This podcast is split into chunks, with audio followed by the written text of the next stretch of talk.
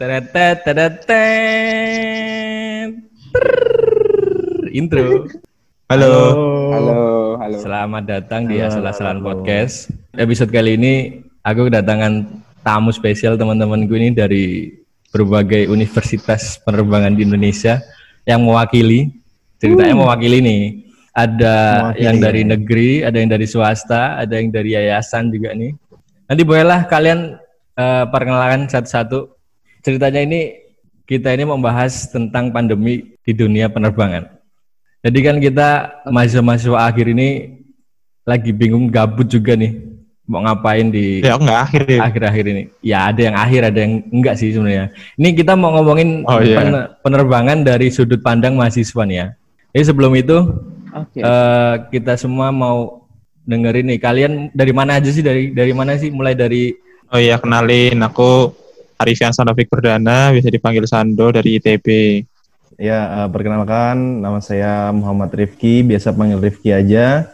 Saya dari Universitas Nurtanio Bandung. Ya, Sau, ya, Sau. ya ya Sau nih. Ini dari yayasan ini. Ini ada satu lagi teman gue nih dari swasta nih. Ini paling paling mahal nih kayaknya. Nama saya Adam Ben Kurniawan. Biasa dipanggil Adam. Saya dari Sekolah Tinggi Teknologi Kedirgantara Yogyakarta alias YCD. Yayasan Citra Dirgantara.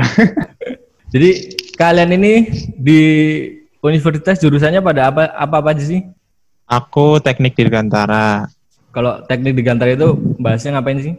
Ya memang apa kalau karena di ITB cuma ada itu doang ya memang spesifik dari mulai desain sampai em, tapi kita nggak sampai itu sih nggak sampai maintenance dan lain-lain. Cuman kita lebih ke desain, perhitungan dan gitu.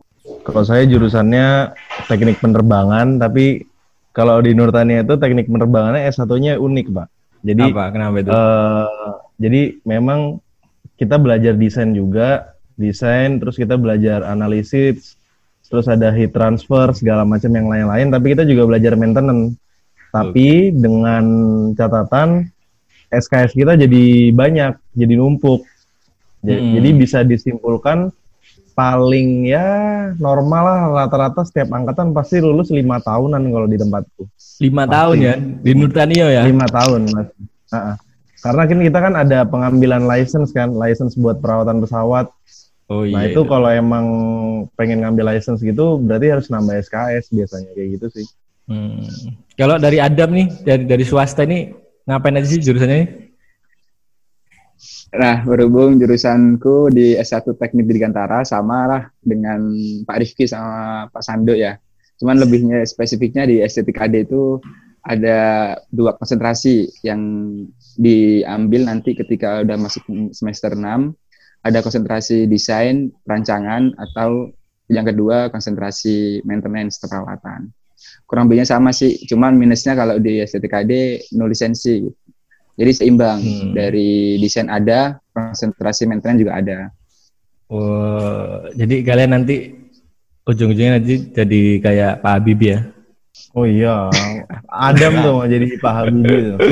Sando. Amin amin amin. Habibie versi Jogja ya. Tapi Habibie kan ada- Bandung. kalau kalau di ITB kan ada Joko Anwar sih. Joko Anwar kan nggak Ya. nggak di dunia penerbangan ya. Film. Jadi jadi film nanti. Semoga aja bisa bisa bisa jadi Pak Habibie lah ya. Amin ya. Amin amin. Sando nyusul Joko Anwar Sando. Eh, Nih, baik. aku penikmat Sando. film aja. Sando pidi baik. Ngomong-ngomong kalian dari dunia penerbangan nih, banyak nih yang nanya ke aku, kalau di pesawat itu toiletnya itu buangnya ke mana sih? Tahu nggak kalian? Kalau Kotoran- siapa kotoran- nih? Iya siapa aja lah yang mau jawab nih pokoknya. Kalau kotoran di pesawat itu buangnya ke mana sih sebenarnya? Ada tempat penampungannya, Pak? Apa namanya itu? Ada. Eh, pokoknya ada ada reservoirnya. Nah itu tuh selalu dibuang sama apa? Sama teknisi setelah memang dia landing. Tapi ketika dibuang itu tuh udah berbentuk apa gitu ya? Jadi udah ada campuran ininya, campuran apa sih kayak sejenis apa sih ya cairan gitu deh. Udah udah udah nggak berbentuk bener-bener pup enggak. Enggak, oh, jadi udah bentuk cairan gitu lah ya. Ah, ah. Nah, ada yang pernah nggak nih? Ada nih ada dikit. Ah, ah, Nanti gimana? dikoreksi ya kalau salah ya. Salah. Setauku Santai aja, ya. Santai. Kalau untuk di pesawat terbang itu ketika ada orang pup atau buang air besar, itu ada sistemnya sendiri yang bekerja di dalam pesawat itu sendiri. Hmm. Nah, eh, pesawat terbang itu kan punya toilet tuh. Mungkin Hmm. teman-teman juga udah tahu kan nama toiletnya apa, Hmm. lavatory kan. Nah, di lavatory itu nanti setauku eh ada sistem yang benar tadi kata Pak Rifki itu reservoir namanya Wasimbai untuk sistem yang mengatur sirkulasi eh, pembuangan Mantap. kotoran manusia. Man. Nah, nanti pada saat dia sudah di darat, itu baru akan ada disedot oleh mobil GSE, Ground Support Equipment, untuk dibuang ke tempat yang semestinya ketika dia sudah di darat. Ada mobil lagi, mobil untuk penyedot dari pesawat ke mobil yang ada di darat, terus dibuang ke tempat TPA. Itu sih kurang lebih kayak gitu. Oh, berarti nanti tetap tetap di darat ya buangnya ya, nggak di atas ya? Iya, pasti. Kalau di atas mah yang ada Antakan turun nanti. semua Pak Rif, Pak Tama. yang ada Iya, maksudnya nih kalau yang lain itu ngiranya itu pada di atas itu udah dibuang gitu kayak kereta api kan dulu zaman dulu Wah. langsung enggak, nyemplung ke rel kan Enggak, zaman dulu kan. nggak lucu Pak, kalau di di atas Pak. Orang-orang di bawah itu kena semua itu, Pak. Iya, iya, iya juga sih. Yang ada kalah Pak Corona Pak. Corona kalah eksis. Jadi ini ngomongin corona nih. Selama pandemi pandemi ini kalian produktif nggak sih? Aduh. Pak, tidak sangat tidak Produktif. produktif. Gimana Sandu kuliah online Sandu? Kuliah online. Aduh. Kuliah online, Zoom dinyalain, tinggal tidur. Ah, Kalau bener, kalau bener. kalau misalnya kuliah online terus di universitas ini sekarang ini gimana sih maksudnya kalian itu setuju nggak sih kalau kuliah terus itu online terus gini nih ya sebenarnya ya nggak setuju Pak. Sebenarnya Hmm. nggak setuju, tapi mau gimana? Kondisi memaksa kita buat eh, kayak gitu, memaksa kita buat bertahan buat nerima materi kan ya Hmm. udah akhirnya kita jalanin. Tapi sebenarnya nggak setuju. Pertama nggak nggak efektif juga, maksudnya banyak waktu yang terbuang, terus habis itu banyak materi yang nggak terserap baik. Jadinya ya udah kita kita kayak ngelawan diri kita sendiri aja. Kita mau belajar apa enggak tergantung kitanya lagi. Kalau kita nggak mau belajar ya udah nggak usah ini kan gitu aja. Tapi itu malah jadi ini juga nanti malah jadi beban ke kitanya juga beban. Nah, iya iya juga sih. Terus juga kita kan yang mahasiswa, mahasiswa akhir ini kan udah mau lulus nih. Rencananya lulus sih. Kayak kemarin kan SMA kan unit itu dihapuskan. Ini ada isu-isu lagi kalau mau TA dihapuskan nih kalian setuju nggak sih TA dia Jadi- teman-teman tuh yang lain tuh. Hapuskan. Nah, Gimana Mas Adam? Kalau TA dihapuskan nih gimana? Setuju sekali. Setuju sekali Bapak Tama. Kenapa setuju sekali nih? nih. Kenapa kalau setuju sih? untuk mahasiswa akhir. Karena gini ya, kalau menurutku ya, persepsiku Hmm. ya, karena kan kita ada di mahasiswa akhir, di mana mahasiswa akhir ini pas sedang ada pandemi corona.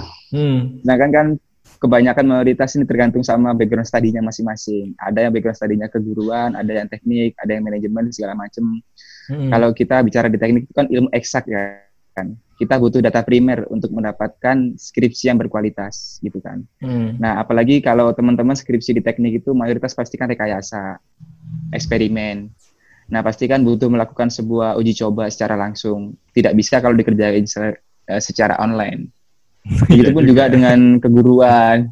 Keguruan dia butuh ngajar, KKN ngajar di SD, sedangkan SD juga diliburkan gitu kan. Nah, kita sampai kapan untuk menunggu kondisi stabil gitu kan? Belum tentu nanti akan ada pandemi corona gelombang kedua, gelombang ketiga, sampai seterusnya kita juga nggak tahu. Nah, langkah baiknya gitu, mahasiswa akhir itu dipermudah untuk pengerjaan skripsi gitu kan. Amin. Amin, amin, amin, amin, amin. Kalau Munculin kayak contohnya gimana? gimana gimana gimana? Tadi lanjutin. contohnya kayak dipermudah terbitin eh, artikel ilmiah, tapi kan kita juga punya harus punya fundamentalnya gitu kan, harus punya alasan yang kuat mengapa kok kita minta dihapuskan skripsinya. Kalau cuman untuk niru-niru nggak biar kesenjangan sosial UN aja dihapus masa mahasiswa akhir skripsinya nggak dihapus, itu saya rasa kayaknya kurang sih. Kurang Ya ya. Pak Rifki? Sando gimana Sando? Iya. Ya, Kurang, kalau kurang sih kuat, belum- landasannya kurang kuat. ya kalau sih belum merasakan bagaimana menjadi mahasiswa akhir ya jadi masih tenang-tenang saja. Masih tenang. Iya enak banget Sando ya. Kalau aku Enak. sih ngeliatnya Coba sih itu sih ke ke kerjanya nanti sih yang masih bingung karena di pandemi kayak gini justru pekerjaan tuh banyak yang dipotong-potong gitu loh karyawannya. Nah, iya Nah, benar. Dari kalau tadi misalnya apa skripsi itu diper, apa dipermudah sehingga yang lulusnya itu tetap jumlahnya atau mal- malah meningkat, apakah tidak malah menambah jumlah pengangguran di Indonesia gitu? Iya benar juga ya. Mending mending nggak usah lah ya. Mending nggak usah dihapuskan aja. Mending tetap stay kita di akhir. Tetap nunggu Serba gimana baiknya kondisi yang sekarang. Tapi kalau di Tapi kalau di ITB, kalau nunggu bayarnya juga jalan nah iya makanya itu. Kalau di ITB Nah, ini, Itu sih Pak, maksudnya jadi paradoks juga. kalau di ITB di UNUR atau di Setikad ini nanti bayarnya gimana sih? Tetap tetap ada Tetep. kompensasi atau enggak gitu? Nanti kalau misalnya lanjut gitu. Kalau di UNUR masih tetap Pak, masih nggak ada pengumuman lebih lanjut. Nggak tahu Kalau ya, susah sih kalau kalau kalau kita tuh susah Pak. Kalau di Nurtania tuh karena kan di bawah yayasan ya, jadi Hmm. birokrasinya bulat ke kebanyakan birokrasi, jadinya orang-orang mau ngambil keputusan juga sulit, mau ngambil keputusan sendiri harus ke Yasau dulu, harus ke yayasan dulu, harus ini dulu, aduh. Hmm. Kalau gitu Pak. di ITB gimana? Dengar-dengar nggak sih? di ITB sih belum ada belum ada pengumuman lebih lanjut sih harus mau gimana soal soalnya masuknya lagi semester 7 aja belum tahu kapan itu Masuk semester 7 aja belum tahu kapan ya? iya masuk semester 7 aja belum tahu kapan terus mahasiswa baru aja nggak tahu daftar ulangnya gimana caranya aku sih masih nggak tahu Iya Nah, bener ya. Pak.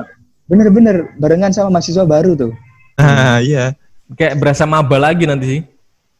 Iya. Bener-bener. Lebih bingung lagi mahasiswa baru, Pak. Ah, bener. Ini kampus bingung ini lagi mau jadi apa baru. kampusnya? Aduh, aduh, aduh. Kayaknya Pak Nadim perlu disentil gini nggak Pak? Kira-kira menurut Bapak Rifki sama Pak Sando? Pak Nadim perlu di, perlu kasih surat gitu nggak sih dari mahasiswa-mahasiswa gitu kan? Harus Hmm. ada kebijakan sih, Pak. Heeh. Harus ada kebijakan, Pak. Serius karena ini aja, Pak. Skripsi ini jadi paradoks buat mahasiswa. Bener. Jadi memang ada mahasiswa yang eh, skripsinya itu tentang implementasi eh, hasil ilmiah di lapangan kan biasanya kayak Adam tuh Hmm. bikin bikin komposit dan lain-lain. Tapi ada juga yang eh, olah data kayak olah data saya kan olah data di rumah bisa. Tapi juga mau olah data, data apa yang mau diolah orang eh, maskapainya juga kan mau Tutup. tutup. Hmm, Jadi paradoks juga gitu. Nah, kalau emang mau dihilangin skripsinya diganti karya ilmiah ya nggak apa-apa. Cuma ke depannya itu kalau misalkan ya skripsi nggak ada, orang-orang yang mau ngambil S2 tapi apa linier tuh jadi susah. Kayak contoh ya, misalkan aku, aku mau ngambil S2 linier Hmm. eh, eh, tentang manajemen penerbangan di TB. Misalkan kan ada tuh manajemen perawatan. Hmm. Nah, tapi misalkan eh, judulku atau eh, judulku nggak merujuk ke sana karena aku pakai eh, ini apa makalah ilmiah dan lain-lain kayak gitu nggak nggak pakai skripsi misalkan. Nah itu mungkin jadi pertanyaan lagi kayak gitu sih pak. Tapi kalau emang mau dihilangin ya nggak apa-apa nggak nggak ada masalah juga kalau menurutku. Tapi Cuma iya. permasalahannya itu bukan deskripsi dihilangin atau enggak sebenarnya, tapi masalah pekerjaannya. Karena setelahnya ya. kalau kita sekarang, eh, eh, karena kalau Mm-mm. sekarang kita mau lulus cepat juga, buat apa ngapain? gitu Kita mau ngapain juga? ngapain susah. Heeh. Mungkin ada yang mau nikah Orang- Pak, teman-teman Pak? Ini pak, orang yang di mana, yang di maskapai Virginia itu, yang Australia itu kan udah menyatakan kalau dia kan mau bangkrut karena eh, penerbangan di negaranya di stop, tapi nggak dikasih surplus sama pemerintah, jadinya ya ya udah kolaps, bangkrut. Tapi kalau di, di di di Dubai kemarin aku baca berita Emirates itu malah disokong pemerintah untuk nyari pinjaman malahan. Oh iya Sam- pak, sampai Ah, gitu ah. loh. Ada selain di Dubai itu di Amerika, di Amerika juga disokong karena kalau negara-negara yang kayak gitu tuh ngerti kalau misalkan penerbangan itu benar-benar sektor yang ini pak, sektor yang penting. Maksudnya penting tuh dia tuh jadi pusat perputaran ekonomi juga Hmm. Iya. buat Bener. ekonomi. buat ininya, buat apa namanya, buat pekerjanya. Terus penerbangan itu juga bukan buat perputaran ekonomi, tapi juga buat kayak apa sih logistik, pengiriman logistik kayak gitu-gitu kan penting tuh di Indonesia. Apalagi kan Indonesia kan negara kepulauan. Kan Hmm, lingkupnya jauh-jauh. Nah, penerbangan tuh sektor yang penting. Makanya harusnya kalau bisa sih dikasih surplus. Tapi nggak tahu sih, mungkin pemerintah ada kebijakan lain kan kita nggak tahu. Hmm, ngomong-ngomongin penerbangan luar negeri nih, dalam negeri ini penerbangan domestik kita ini kok pada ditutup semua ini nasib-nasib karyawan senior-senior kita, guru-guru kita yang di dalamnya ini gimana ya? Kayak mereka itu pasti wah nganggur nih mau ngapain? Teman-teman eh, pramugari juga ada yang udah eh, ngajuin cuti tapi nggak digaji juga Iya, Pak. ada sih. Iya, Pak. Kalau di seniorku juga ada udahan yang di PHK PHK. Ada Oh, yang udah- apalagi yang yang udah di PHK ada apalagi ya? yang yang bukan pegawai kontrak, yang bukan pegawai kontrak, eh eh sorry sorry, yang bukan pegawai tetap tapi pegawai kontrak sama yang eh, baru-baru sama yang ijazahnya masih SMK itu biasanya langsung di ini langsung dirumahkan langsung dirumahkan ya. Nah, Kasihan di juga. Garuda kayak gitu-gitu. Berarti bener ya ada PHK PHK gitu ya? Bener pak. Wah, Bener banget. Bener pak. Kayak kita aja dengernya kayak gitu aja, wah gimana ya? Apalagi kita ini yang belum merambah ke sana ini. Nah itu pak. Makanya saya jualan dimsum pak. itu kuncinya sih sebenarnya. Ya boleh yang mau beli order Nah, dimsum lima belas ribu dapat lima ya pak.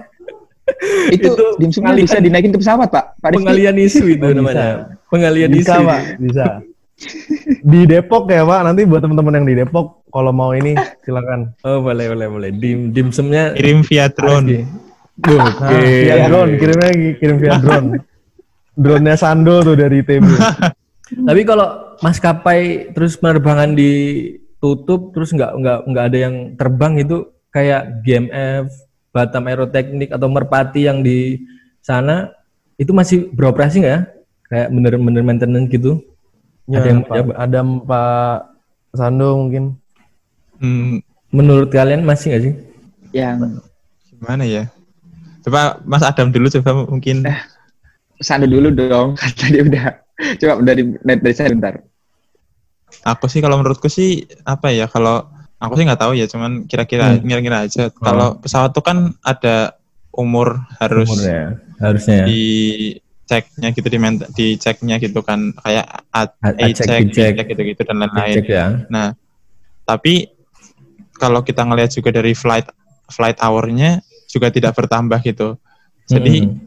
aku nggak tahu sih apakah mereka masih bekerja apa nggak. Cuman mungkin sekarang dibandingkan maskapai mereka masih lebih bekerja daripada maskapai gitu. Hmm. Tapi kalau untuk ke depannya lagi kayak gimana, aku nggak tahu bertahannya apakah mereka bertahan lama mengeceknya itu melakukan pengecekannya atau enggak karena sumber pemasukan juga pasti berkurang gitu loh. benar benar. Kalau Mas Adam gimana Mas Adam? Kalau ngomongin acek Oke, bicek kalau- dan flag house tadi Aduh. Eh, kalau dari aku sih ya menurut Kak, bener sih yang pergi dibilang sama Sando itu. Karena kalau kita bicara dari kita tinjau dari sudut pandang manufaktur bengkel pesawat ya, Batam, Hmm. Teknik, GMF. Kalau menurutku sih secara logika berpikir pasti masih bisa di bagian produknya. Karena kan sebelum berlakunya dari pemerintahan pemberlakuan sistem PSBB, terus peng- pengendalian penerbangan yang batasin bahkan sudah dilarang sekali. Itu kan masih ada pesawat yang sudah masuk sebelum itu untuk di maintenance. Bahkan kalau kita bicara acek becek kan maintenance nggak butuh waktu lama nggak sehari dua hari kelar gitu kan. Kita lihat kalau si cek aja butuh waktu minggu. Dicek over butuh waktu berbulan-bulan gitu Yep. kan. Betul. pasti masih bekerja untuk di bagian produksi tapi untuk kantor pasti udah nerapin sistem online work from home tapi kalau dilihat dari profit pasti berkurang perusahaan tuh. Dengan adanya sistem kayak gini dengan adanya Hmm. pandemi kayak gitu gitu kan. Pasti berkurang. Profit juga pasti berkurang. Pesawat kalau di darat tuh kan dia nggak terbang. Tapi dia Hmm. juga tetap bayar parkir. Contohnya Nah, itu. parkir di di bandara parkir di uh, pesawat di di bengkel gitu kan. Itu pasti ada teks pajak yang dikenakan gitu kan. Seharusnya pemerintah bisa sih sampai ke situ mungkin kita nggak tahu atau kayak gimana kan kebijakannya kayak gimana Hmm, pemasukan nggak ada tapi pemasukan nggak ada Pengeluaran ya? tapi ah, Pengeluarannya pengeluaran terus. karena kan Hmm. Hmm. setauku parkir di, di, di bandara aja atau Sa- di satu ton aja per- satu satu ton per 12 jam itu satu juta dua ratus Nah, kurang lebih kayak gitu kan. Apalagi itu berapa pa- berapa banyak berapa unit. Hmm. Terus berapa lama itu parkirnya? Sampai Juni bahkan kan. sebulan itu berapa coba Itu gimana? 60 jam berapa coba berapa jam satu coba? pesawat.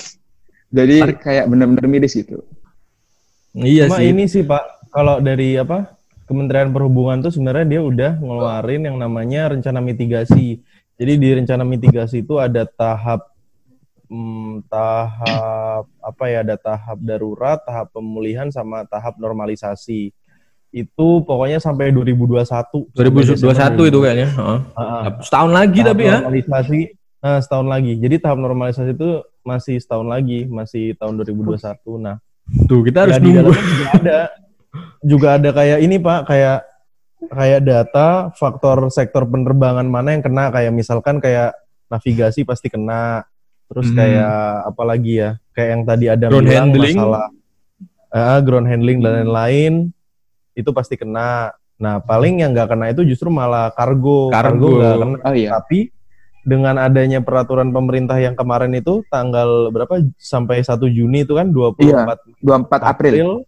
sampai 1 Juni nah itu otomatis kargo juga kena karena kan kalau penerbangan kargo kan juga masuknya penerbangan juga Hmm, kayak gitu sih iya sih Tapi kayaknya ATC ATC masih kerja ya Pak ya? ATC masih kerja nggak sih? ATC kayaknya masih ya ATC masih tapi ada penerbangan terakhir pak. Karena kan kalau misalkan itu kan bandara kan ditutup ya. Nah Heeh. mungkin bandara- bandara-bandara yang kecil tuh benar-benar stop beroperasi. Tapi nggak tahu kalau kayak bandara Soekarno Hatta kayak gitu, Ta- tapi kan kayak penerbangan ke luar negeri belum ditutup sih. Penerbangan ke mana pak? Keluar, luar negeri? heeh. ditutup apa enggak sih? Belum belum Kalau ada yang- beritanya sih sebenarnya. Kalau yang itu aku belum bisa mastiin. Kalau yang nasional iya. ya nasional Sekian. fix ya tutup semua ya Mm-mm. tapi kemarin ada edaran kayak yang izin Garuda doang yang boleh kargo itu gimana tuh dibatalkan Pak. Nggak akhirnya akhirnya dicabut lagi jadi. iya dicabut lagi. Pasti Pak. Pasti yang lain mah ngiri kan. Ini kan Anak kargo kan banyak. Garudanya. iya sih Heeh. banyak Pak kalau di Indonesia kargo. Kargo Garuda jalan ya sama aja BUMN ya yang kena ya Mm-mm, Iya. Pasti. atau atau atau pemerintah lagi lagi memutar otak untuk mengendalikan pemutaran ekonomi ini melalui Iya sih. Garuda itu ya. BUMN melalui BUMN. Mm-mm. Mungkin Pak, mungkin. Nah kasihan yang swasta Pak. Kalau mau Iya main. BUMN BUMN-an gitu kan ya kasihan yang swasta. Yang swasta kan juga butuh duit. Mm-mm. Bener juga sih. Terus kalau misalnya tadi kan GMF sama Batam dan lain-lain itu masih beroperasi, terus PTDI apa masih tetap berproduksi, memproduksi pengembangan dan lain-lain ya? Masih Kalau itu Pak, ventilator. Ventilator itu masih ya? ya sekarang ventilator. Sekarang beralih ke ventilator ya untuk pandemi ini ya? Iya, bikin ventilator. Sama ITB ya? Iya, sama. Iya, ITB juga Wey. sama. Udah mulai, ITB. Sing. Kita mah hanya nonton. Kita support ah, betul Support lah, kita, kita harus support. coronanya. Ya nanti ventilatornya yang Unur beli punya yang ITB sama PTDI deh. Iyalah, haruslah. Kita harus beli Biar support. support produk-produk Indonesia. Hmm, Tapi ventilator itu tuh kalau Hmm. yang ventilatornya Salman itu kan Salman ya? aku nggak tahu sih dia kerja sama sama yang mana. Cuman kan ITB, ITB itu kan sekarang lagi ngembangin ventilator baru lagi itu. Yang di proyeknya dosenku yang Heeh. dari penerbangan ya. itu sekarang baru mulai sama Pindad. Oh, sama Pindad. Bukannya emang memang Iya. dulu kan Pindad sih? Nah, nggak tahu nih, ini kayaknya baru baru memulai deh kayaknya baru masih masih eh, apa bahas sama dokter dari Unpad sama Rumah Sakit Hasan Sadikin. Hmm. Kalau yang udah jadi kan baru yang dari Salman itu. Kalau yang dari Salman tuh kalau nggak salah produksi sendiri apa ya atau gimana? Hmm, itu kalau pas pandemi gini kayak produksi-produksi pesawat pesawatnya yang di PTD ini masih masih produksi nggak sih mereka yang di PTD ini? Gimana Pak Rizky? Yang dekat sama PTD ini? Yang dekat sama TDI. Kalau PTDI sih biasanya ada kerjaan tergantung pemesanan pesawat, Pak. Jadi selama ada pesawat yang dipesan, pasti dia akan bekerja gitu. Tapi aku aku sendiri nggak tahu perkembangan pemesanan pesawat kalau lagi pandemi gini gimana. Ya paling nyelesain pesawat yang harus diselesaikan sih menurutku ya. Menurutku Hmm. pasti mereka menyelesaikan pesanan yang harus diselesaikan. Karena kan terkait deadline kan kalau kayak gitu PTDI. Iya kalau ya. lagi pandemi ini, nah itu kurang tahu. Terakhir ke PTDI soalnya berapa bulan yang lalu ya enam bulan paling enam bulan yang lalu terakhir. Kalau pesawatnya R80 itu itu produksinya gimana sih? Aku kok belum ngeh banget sih. Tahu nggak sih kalian? Nah, Pak Rifki, Pak Rifki tahu tuh kayaknya. aduh, gimana Pak Rifki, Kan, Pak Rifki? kan itu itu tipenya N270 kan? R R80-nya Pak ini ya, Pak siapa? Pak, Habibi, anaknya Pak Habibie. heeh. Pak Ilham Pak ya. Habibi. Iya. Petera, Petera. Kalau Itu- yang setahu gue sih eh, R80 Petera itu kan yang istilahnya rencananya besar juga kan dia kan patungan kan. Kalau Iya. kasarnya kita bisa bilang patungan sama masyarakat juga. Jadi nanti yang misalkan patungan paling banyak dapat jaket kayak gitu-gitu kan. Tapi Mm-mm. pesawatnya bagus, maksudnya terbagus, terbaik di kelasnya gitu, Pak. Kalau pesawatnya sendiri ya, terbaik di kelasnya. Itu berarti yang buat PT Rai. PT Rai. Bu- Berarti bukan PDI ya? Kan Bukan, Pak. Bukan. Oh beda lagi ya. Beda, beda, beda. Beda tempat PT-nya anaknya Pak Ilham Akbar Habibie. Heeh, PT punya Hmm. Pak Ilham. Tapi aku dapat- pas aku dulu pernah main Hmm. ke PTDI, Hmm. pernah ada yang bilang juga sih katanya tuh sebenarnya itu tuh apa ya kayak Rai itu tuh sangat kecil gitu loh perusahaannya. Jadi apa ya kalau Dia harus dibantu lah ya. Anak ya, anak. Anak soalnya. sangat amat, amat Iya. kecil gitu. Jadi kayak untuk Afiliasi berkembang kan? itu sangat masih sangat-sangat butuh perjuangan yang sangat jauh, yang sangat keras gitu loh untuk bisa sampai ke sana gitu. Hmm. Karena bahkan sekarang aja tuh belum sampai baru sampai desain aja apa ya kalau nggak salah Hmm. R8 Dengar-dengar sih Belum. iya. belum sama sekali ada Pak, memulai al, apa memulai manufaktur kecil apa bahkan baut aja belum ada gitu. Oh. Kalau yang waktu itu aku lihat di Lapan eh, program pengembangan pesawat itu kayak desain pesawatnya itu mirip kayak N270 kayak N270. yang tahun tahun 2020 sampai 2023 itu dikembangin di Lapan dan PTDI.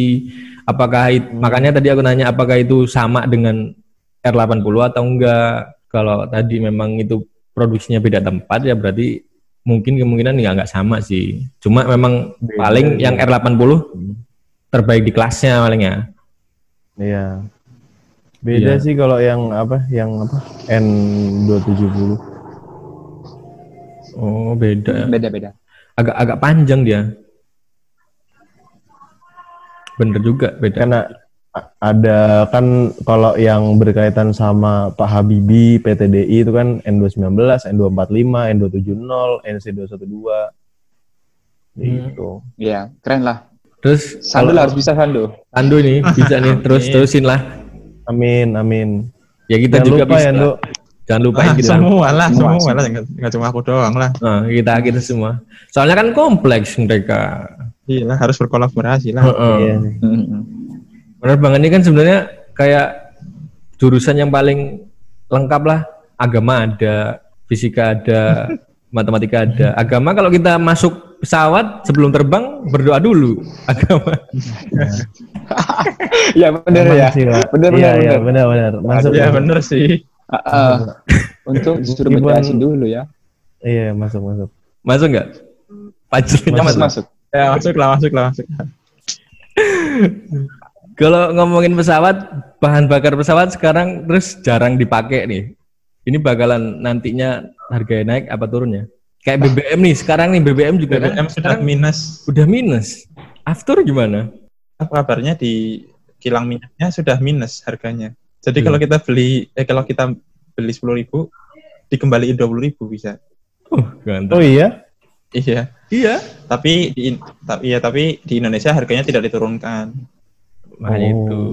Iya, sama aja kayak pemutaran lah, pemutaran ekonomi lah kayaknya sih. Iya, biar Heeh, mungkin heeh, buat bayar duit, bayar utang-utang juga sih. Oh, oh. Tapi kalau after gimana ya? Banyak loh ya. Tambah minus lagi apa enggak sih? Nggak tahu tuh kalau after Ah. minus apa enggak tadi tuh. kan harga minyak sekarang lagi nggak karuan Pak. Tama di corona ini kan sedang corona ini kan harga minyak lagi nggak karu-karuan, harga nggak stabil. Lah iya, makanya itu tadi itu kata Sando kan sampai minus-minus. Sekarang BBM Iya. juga di tengah pandemi ini kan nggak nggak pernah dipakai nih, motor juga jarang dipakai, apalagi mobil juga. Apalagi Makanya pesawat. Iya, apalagi pesawat kan. Iya. Orang ditutup semua. Iya sih Pak, Pak. Sekelas Amerika aja negara maju aja paling juara corona. Coronanya paling juara. Iya. Sekelas Amerika pada. Ini Pokoknya kita benar banget lah. berat banget sih membahasnya sih. Susah. Iya. Sampai Susah. sampai pesawat detail banget. Jadi kalau kata Pak Cepi nih Pak, kalau kata Pak Cepi Hakim, Mm-mm. corona ini kayak kayak wasit sebenarnya, kayak wasit yang memberhentikan yang memberhentikan pertandingan.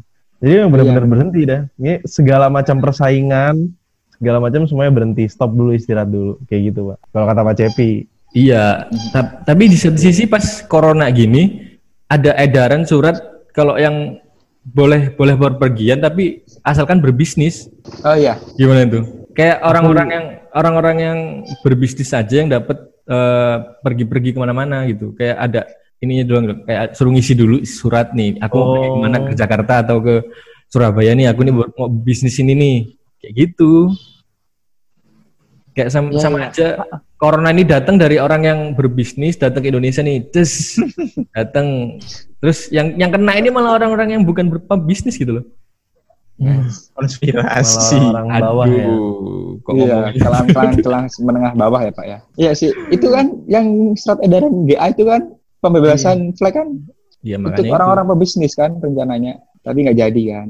Iya nggak Karena jadi. ada kesenjangan sosial. Iya. Heeh. Dan ntar kayak yang itu lagi jubirnya Kemenkes yang kaya lindung yang miskin, Nah, itu itu. kan bahaya Pak. Aduh, Bahaya emang. Udah, jangan. Pikir. yang kaya lindungi yang miskin. Jadi emang kayak gitu deh Pak. Emang, emang, emang ini mah udah cobaan banget lah ini mah. Ya, Tapi coba ya. corona ingat Pak, corona nggak mengenal kaya miskin Pak. Iya sih Enggak, makanya enggak, itu. Corona juga nggak mengenal mahasiswa akhir dan enggak mahasiswa akhir. Nah, itu. Sial, sial. siap-siap aja corona. nih, Sando ini siap-siap aja udah. Sando aja. Sando gelombang kedua Sando. Gelombang Iya, kedua. Dok. Ini kan jangka panjang, Dok. Nggak Iya. Kita ini yang aduh repot nih. Susah, Kayak susah Sando. Susah. kalian mikir gak sih setelah pandemi ini selesai nasib kita mau kayak mana? Nah, ya itu, suka yang dipikirin Pak. Kayak Kayak- perusahaan kan bakal bakal berbenah dulu sih setelah corona ini selesai. Kayak perusahaan Pasti. pasti berbenah dulu mau gimana gimana dulu pasti berbenah mereka kayak mungkin mereka ada satu sisi juga nggak mikirin kita harus rekrutmen juga atau satu sisi juga kita harus Hmm. benahin eh, ekonomi yang ada di dalam kayak menurut, menurut kalian gimana sih Kalau aku ya, Pak. Kalau Hmm. perusahaan kan habis nge-PHK nih, mereka habis ngeluarin semua. Hmm. Nah, setelah corona ini selesai, ya benar tadi yang dibilang, pasti perusahaan berbenah dulu tuh sistem perusahaannya gimana. Kan emang kondisinya kan tadi kan ada di apa Kementerian Perhubungan bilang kan ada tahap pemulihan.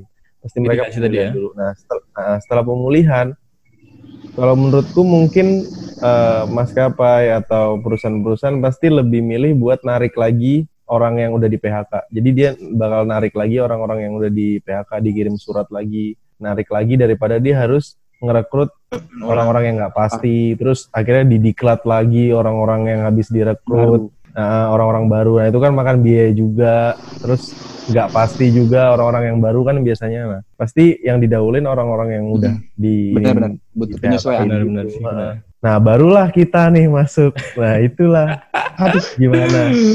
lama Misal- banget. siap-siap aja Andaikan ya, andaikan kita ini anak teknik mesin. Kalau kita anak teknik mesin, kita masih bisa ke mana-mana. Kita masih bisa ke mesin penerbangan, mesin pesawat, kapal, Mm-mm. Mesin pabrik. Mesin pabrik. Ini kita masih bisa. Nah, karena jurusan kita tuh udah menjurus, sudah spesifik. Jadi mau gimana susah kan? Nah, iya Gitu. udahlah kita Berdoa apa berdoa apa? berdoa aja Ah, ah. Mengharapkan Semoga. Nah, ada keajaiban. keajaiban semua perekrutan besar-besaran untuk kita Amin, amin. Setelah amin. itu stop lagi aja, udah stop lagi udah. Sando belum gak kebagian nanti. Dan Sando gelombang dua. Gelombang dua kan nanti. Ngerasain dah, Nanti. Ngerasain. Janganlah, jangan sampai. Sumpah ini semua Jangan dok, please dok. bingung dok, pasti serius bingung. Ya soalnya aku punya temen deket juga lagi TA gitu. Dia bingung mau pakai lab. Nah, Dia TA TA-nya tuh di lab gitu. Harus ngambil data. Heeh. Cuman ya sekarang alatnya di lab. Terus ya nggak mungkin ke lab. Akhirnya dia Hmm. di rumah bingung mau ngerjain apa. Ya udah memang Iya, harus iya. diem di Ya rumah udah. aja memang. Iya sih. Sama sama kasusnya kayak eh, ada teman di Jakarta. Heeh. Dia juga penelitiannya di lab. Jadi susah, bingung kalau mau kampus juga kampus tutup. Temen ya. Iya, temen Mbak ada. temen ya. Kok temen tuh mukanya gitu gitu. Heeh. teman sangat dekat kalau itu mah. Jadi Pak Tama ini nggak bahas teori konspirasi Pak Tama? nggak usah lah kita mah mahasiswa bawah di bawah aja nggak usah terlalu mikir ke atas juga lah. Biar nanti lah ada ada sendiri yang ngurusin itu ada sendiri. Jadi kita mah mahasiswa akhir mah ngomongin yang santai-santai. Ngurusin skripsi aja dulu. Ngurusin skripsi. Aduh. Belum skripsi aja dulu ya. Heeh. Mau ngomongin konspirasi ya untuk eranya anda. Skripsi yang baik Iya. adalah skripsi yang selesai, Pak. Iya. Ah bener Pak, bener sekali Pak. Mari bener sekali. Bener lah. day. Jadi eh, yang baik percuma skripsi bagus-bagus, Tapi gak selesai. berat, tapi nggak selesai. Yang percuma, ya nggak bagus. Bener, ya. bener, Intinya skripsi yang bagus, skripsi yang selesai. Skripsi yang, bagus tam- tuh skripsi yang ditemenin sama doi Pak. Asik. Nah, itu itu Adem. anget gitu, Pak. Ini anget. Ada ucapan terima kasihnya. Iya. Wah, Nih, aku Sando, Sando udah mulai puber nih Sando nih. Ih, puber skripsi. Aduh. Terus, terus kalau eh, tantangan ke depan untuk dunia penerbangan ini apa? Kalau setelah kita melewati ini nih, melewati pandemik nih, terus mitigasi, terus tantangannya ini apa sih, Dam? Kira-kira menur- menurutmu, Dam? Menurut Sando? Kalau Hmm. dari menurutku ya Hmm. tantangan penerbangan tuh yang ketika wabah corona nanti selesai ya, benar nggak? Hmm, iyalah, haruslah.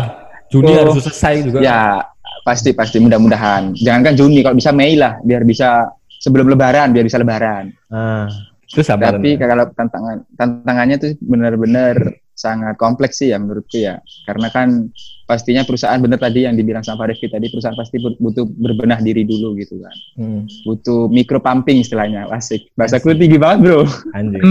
Micro pumping itu kalau dalam segi ekonomi itu eh, perusahaan itu memompa ekonominya kembali. Bagaimana caranya Ah. dia bikin strategi segala Iya, macam untuk Benar, benar. pendapatnya pendapatan dia supaya kembali pulih lagi karena kan banyak kerugian yang dia dapat ketika Hmm. Corona ada, corona melanda selama ini gitu kan. Nah, itu pasti perusahaan ngasih strategi-strategi tertentu, berpikir gimana caranya income masuk lagi segede-gedenya. Mungkin sampai saat ini mungkin utang makin gede kayaknya ya kan. Iya, Menurut mungkin. Pak Rifki Asando mungkin kita pasti utang gede untuk menjaga kestabilan operasional yang sekarang sedang terjadi. Pengeluaran masih tetap ada, tapi pendapatan bahkan nggak ada. gitu. Iya benar. Ada. Tantangannya ya tantangan harus bisa benar-benar secepat mungkin bisa kembali pulih, tapi pemerintah juga harus tetap bantu gitu support. Karena selama ini kan kita jarang ya kan ya dengar terpublish gitu kan berita tentang penerbangan, sektor penerbangan itu Hmm. gimana kebijakannya. Jarang sekali dipublish di media gitu kan, di media sosial.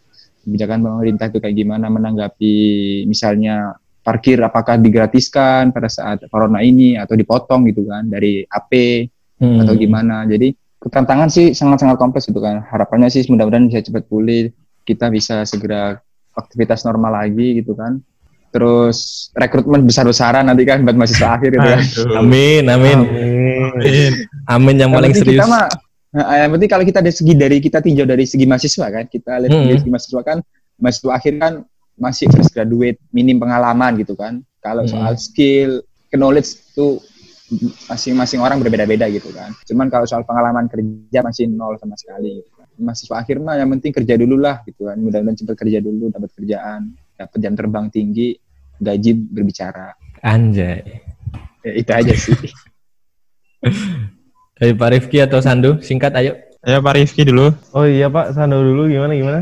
Nah, ya kalau menurutku sih, hmm, aku sih mikirnya ya kita harus ekonomi harus dipulihkan dulu sih. Karena itu kuncinya sih sebenarnya. Karena kalau kita lihat dari PTDI saya ambil contoh PTDI ya PTDI maaf maju-maju karena masalahnya ya mungkin masih ada masalah teknis dari segi di apa dari segi misalnya uh, kualitas orangnya terus ada gap umur antara yang senior dengan yang junior tapi jauh dari jauh lebih dari itu ada masalah ekonomi juga gitu di situ.